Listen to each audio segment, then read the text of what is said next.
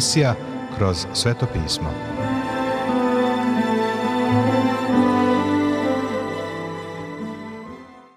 Dobroveče, poštovani slušaoci i dobrodošli u još jednu emisiju programa Kroz sveto pismo, programa koji je za vas napisao Vernon McGee, a pročitao Branko Bjelajac.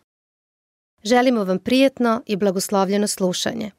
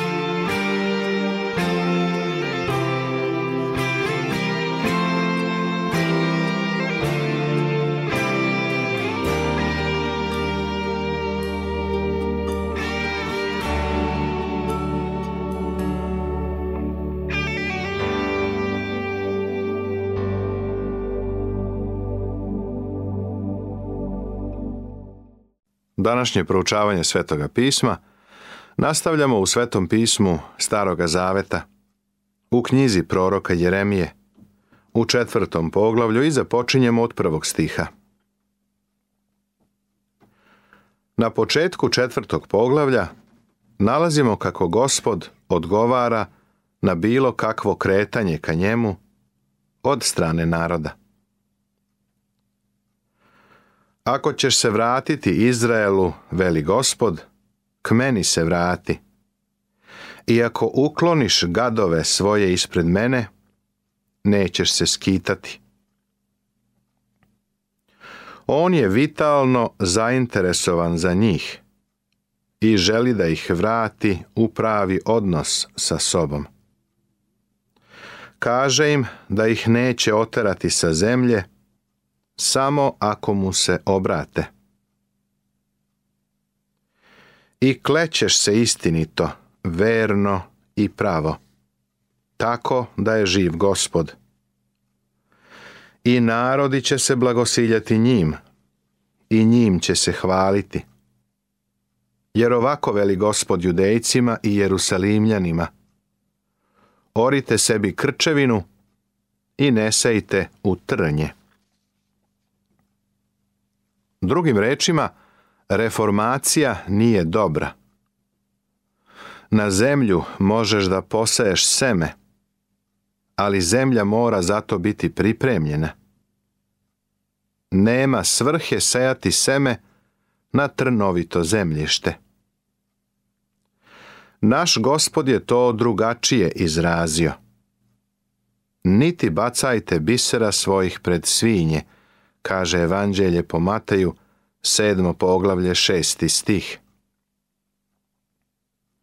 Verujem da postoji određeno vreme i određena mesta, kada nema svrhe govoriti Božju reč.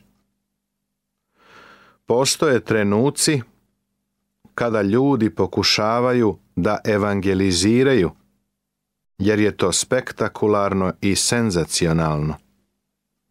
Bog kaže, orite sebi krčevinu. Doktor Ironside je to ovako rekao. Ralo ubeđenja mora da preore otvrdlu zemlju srca. U preostalom delu ovog poglavlja prvo ćemo vidjeti optužbu upućenu narodu. Bog će objaviti sud nad njima i pozvaće ih da se vrate Jahvi. Na kraju izneće im proroštvo o sudu. Veruj mi, Jeremija neće ublažiti reči koje se na to odnose. Čini mi se da treba da bude više proročkih poruka, a manje poruka utehe u našem dobu. Treba preorati krčevinu mi smo narod u opasnosti. Govorimo o našoj naciji i njenoj ulozi u svetu, ali bismo mogli i da padnemo. Vavilon, veliki narod, pao je u jednoj noći. Aleksandar Veliki je jednog dana umro i celo njegovo carstvo se smrvilo. Rimsko carstvo je palo, a to i nama može da se desi mi se iznutra kvarimo. Postoji iskvarenost, ali se o tome vrlo malo govori. Čini mi se da se seme seje na trnovitu zemlju. Gospod nas upozorava da to ne činimo. Bog i dalje nudi ljudi priliku da se vrati njemu. Obrežite se gospodu i skinite okrajak sa srca svog, judejci i jerusalimljani. Da ne iziđe jarost moja kao oganj i razgori se, da ne bude nikoga ko bi ugasio za zla dela vaša. Oni će ispoštovati spoljašnju formu obrezanja. Obrezanje je bilo simbol – koji je pokazivao da pripadaju izraelskom narodu. Ali Bog to nije dao samo kao oblik ceremonije. Pokazalo se da obrezanje ima i drugu, terapeutsku, medicinsku vrednost. Ali je duhovna vrednost bila važnija. Njihova srca su morala da se okrenu Bogu. Sada im Jeremija govori da će sa severa doći sila. To će biti Vavilon, koji će ih na kraju uništiti. Podignite zastavu prema Sionu. Bežite i nestajte, jer ću dovesti zlo od severa i pogibao veliku. Izlazi lav iz česte svoje i koji zatire narode, krenuvši se ide s mesta svog, da obrati zemlju tvoju u pustoš, gradovi tvoji da se raskopaju, da ne bude nikoga u njima. Zato pripašite kostret, plačite i ridajte, jer se žestoki gnev gospodnji nije odvratio od nas. Juda je video kako deset plemena na severu odlazi u zarobljeništvo. Jeremija ih poziva da to prime kao upozorenje. Bog podiže silu, novu silu na severu, a ta sila će doći i konačno ih uništiti. Običan čovek sam nikako ne može da proizvede pravednost. Zato Jeremija poziva narod na obrezanje njihovih srca. Ali ovdje vidimo da je narod odbio da se okrene Bogu. A kada pojedinac, narod ili crkva odbace Boga, Bog odbacuje njih. Seti se da je gospod Isus došao i ponudio sebe za cara u Izraelu. Kada su ga odbacili, on je odbacio njih. Rekao im je, eto, ostavlja vam se dom vaš pust, kaže Evanđelje po Mateju, 23. poglavlje, 38. stih. Pročitaj to celo poglavlje u Mateju 23. poglavlju. Ako se od toga ne uplašiš, ni od čega nećeš. Nemoj da pričaš o nežnom Isusu. Oni su ga odbacili kao cara, a onda je on odbacio njih. Prijatelju, imaš slobodu da odbaciš Boga. To je stvar tvoje slobodne volje. Ali seti se. Ako ti odbaciš Boga, Bog će odbaciti tebe. On je dobar, milostiv, strpljiv i dugo čeka. Pružati prilike da mu se obratiš. Ali trezveno je uvideti šta se dešava svakom privilegovanom narodu koji odbije Boga. Bilo da je to Izrael ili crkva. Na kraju Bog odbacuje njih a onda ih svi ostali narodi smatraju napuštenim, odbačenim i bezvrednim. Danas imamo previše ljudi koji se izdaju da slede živog i istinitog Boga. Mnogi od njih su članovi današnjih crkava. Često možemo čuti izraz da je u Americi hrišćanska nacija – ja kažem da nije. Tu ne postoji naglašavanje Božje reči i Amerika ne sledi živog i istinitog Boga. Pre izvesnog vremena u jednom časopisu je izašao članak pod nazivom Knjiga koju skoro niko ne čita. To se naravno odnosilo na Bibliju, na sveto pismo. Slažem se sa tim naslovom. Ali poslušaj šta je tu pisalo. Ukratko, jedan od načina da se opiše Biblija, koju je pisalo tako mnogo različitih ljudi, tokom vremenskog perioda od više od 3000 godina, bio bi da je to neuredna zbirka šestdesetak knjiga, koje su često dosadne, grube, čudne, i obiluju kontradiktornostima i nedoslednostima. To je gomila knjiga, papazjanija poezije i propagande, zakona i legalizma, mita i mraka, istorije i histerije. Prijatelju, ovo je laž. Čovek koji je napisao ovaj članak ne zna ništa o sadržaju Božje reči. Hoću da kažem da smo danas u istom položaju kao narod u Jeremijinom dobu. Narod je tada odbacio Boga, ali se pretvarao da ga sledi. Takav narod će se naći odbačen od Boga i sveta. Amerika ide istim putem. Svet je danas ne voli. Posle drugog svjetskog rata bili smo pobožni ljudi koji su htjeli svetu da donesu demokratiju. Šta smo uradili? U svoju zemlju smo doneli bezakonje.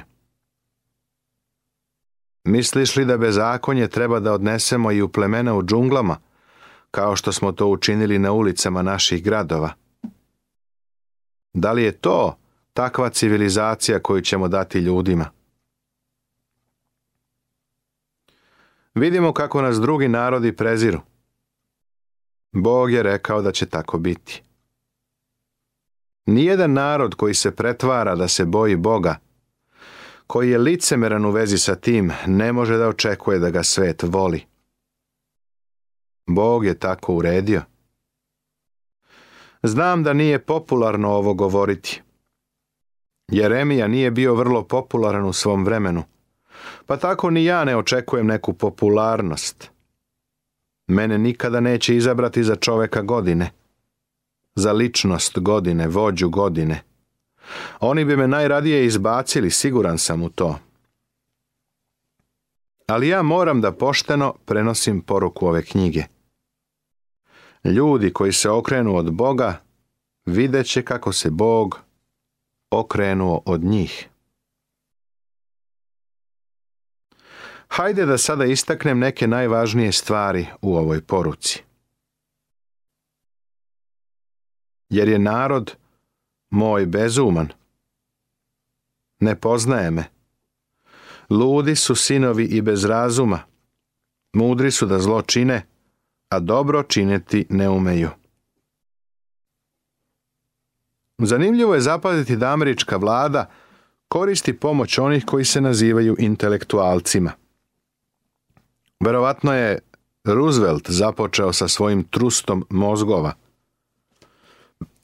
To je ta ideja odlaska na Harvardski univerzitet ili neki drugi prestižni univerzitet i traženje saveta od momaka sa visokim količnikom inteligencije. O, tako smo mudri kada činimo zlo. Mislimo kako smo bili pametni u postupcima po svetu. Mislimo kako radimo važne i velike stvari. Veliki smo u svemu, osim u pravednosti, prijatelju. Nismo tako veliki kada treba da se poklonimo pred Bogom. Bog kaže da oni koji se pretvaraju da poznaju Boga, a stvarno ga ne poznaju, jesu nerazumni. Čovjek koji je napisao onaj članak koji sam malo pre citirao, nije kompetentan da piše o Božjoj reči, kao što nije kompetentan da piše o nekim drugim stručnim stvarima. Ja o nekim stvarima ne znam ništa. Ti slavni intelektualci koji nisu pravi vernici, nisu sposobni da pišu o Božjoj reči. Oni Boga ne poznaju, a da bi poznavao njegovu knjigu, moraš prvo njega da upoznaš. Zanimljivo je da ljudske knjige možeš da čitaš i razumeš, a da ne poznaješ njenog autora.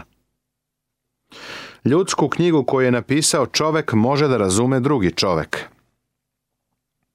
Ali ako želiš da upoznaš Bibliju, sveto pismo, moraš da znaš njenoga autora i on treba da bude tvoj učitelj.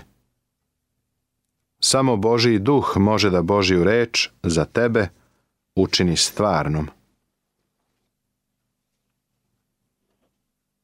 Jeremija izgovara određene grehe. Prođite po ulicama Jerusalimskim i vidite sada i razberite i potražite po ulicama njegovim. Hoćete li naći čoveka? Ima li ko da čini što je pravo i da traži istinu, pa ću oprostiti? Sećaš se priče o Diogenu, grčkom filozofu, koji je atinskim ulicama prolazio sa fenjerom. Pitali su ga šta traži, a on je odgovorio tražim poštenog čoveka. Nikada ga nije pronašao. Mislim da bi isti problem imao u svom gradu. Ima li ko da čini što je pravo i da traži istinu, pa ću oprostiti? Zašto Avram nije nastavio da moli Boga za Sodomu i Gomoru? Prestao je da ga moli, nakon što je zamolio Boga da poštedi grad radi deset pravednika. Bog bi spasao grad radi jednog pravednog čoveka. Iz grada je izbavio jednog čoveka, Lota, pre nego što je uništio grad. Pogledaj kako Bog govori o svom narodu. Jutrom su kad ustaju kao tovni konji, svaki rže za ženom bližnjeg svog. Koji je veliki greh naroda danas? To je seksualni greh, samo što ne volimo tako da ga zovemo. To nazivamo novim moralom. Ali Bog i dalje preljubu naziva grehom. On u stvari koristi sarkazam – Kaže, svaki rže za ženom bližnjeg svog. Kakva slika savremene kulture. Kao krletka puna ptica, tako su kuće njihove pune prevare. Zato postaše veliki i obogatiše se. U našoj generaciji smo vidjeli mnogu decu kako odlaze od kuće zbog uslova koji u porodicama vladaju. Sa mnogima od njih sam razgovarao, a verujem da nam ovaj stih daje validnu procenu onoga što se dogodilo. Juda odbija da sluša. Sada prorok Jeremija završava svoju poruku u šestom poglavlju. jer od malog do velikog svi se dadoše na lakomstvo i prorok i sveštenik, svi su varalice. Ceo narod je bio obuzet lakomošću. Lakomost je veliki greh. Ljudi su lakomi na zlato, srebro, bogatstvo, slavu i ženu bližnjeg svog. To je ono za čime ljudi žude. I leči rane, kćeri naroda mog ovlaš govoreći mir, mir, a mira nigde nema. Površinski gledano vladala je reformacija. Bilo je tu malo isceljenja, ali je to kao posipanje talka na rak. Pa onda kažeš da je čovek isceljen. Ljudi su govorili mir, a mira nema. Danas mnogo slušamo o miru, ali mislim da se spremamo za posljednji obračun. Čuj zemljo. Evo ja ću pustiti zlo na ovaj narod, plod misli njihovih, jer ne paze na moje reči i odbaciše zakon moj. Odbacujući Božiju reč, odbacili su Boga. Kada čovek odbaci Boga, uvek još nešto ide. Oni će se zvati srebro lažno, jer ih gospod odbaci. Bog kaže judinom narodu, Odbacili ste moj zakon, pa ću i ja odbaciti vas. A kada vas odbacim, ljudi u svetu će vas također odbaciti. Tako je bilo i u Jeremijinom vremenu, a tako je i u našem. Ovo je vrlo uzvišena poruka koju ne smemo olako da prihvatimo. Nastavit će se.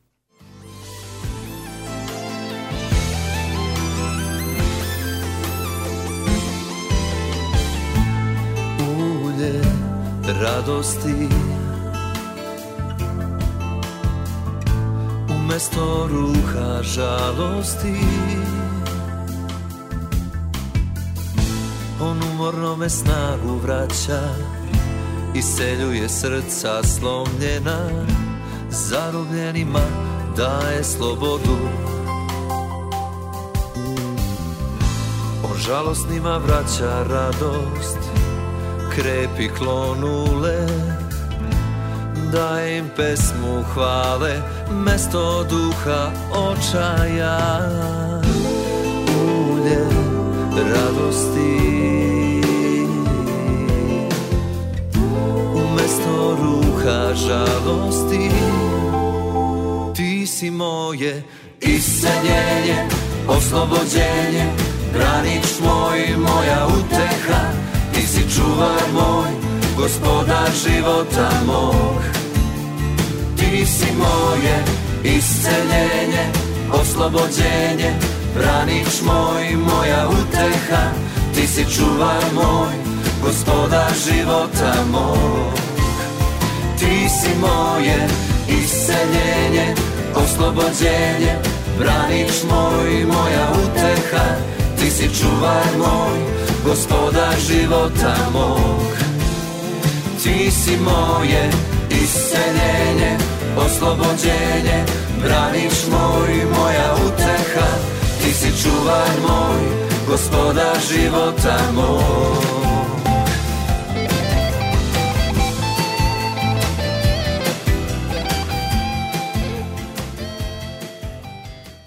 Poštovani slušaoci, završena je još jedna emisija iz serijala Kroz sveto pismo. Ovaj program možete da slušate svakog radnog dana na talasnoj dužini od 1548 kHz u vremenu od 22 sata do 22 sata i 30 minuta.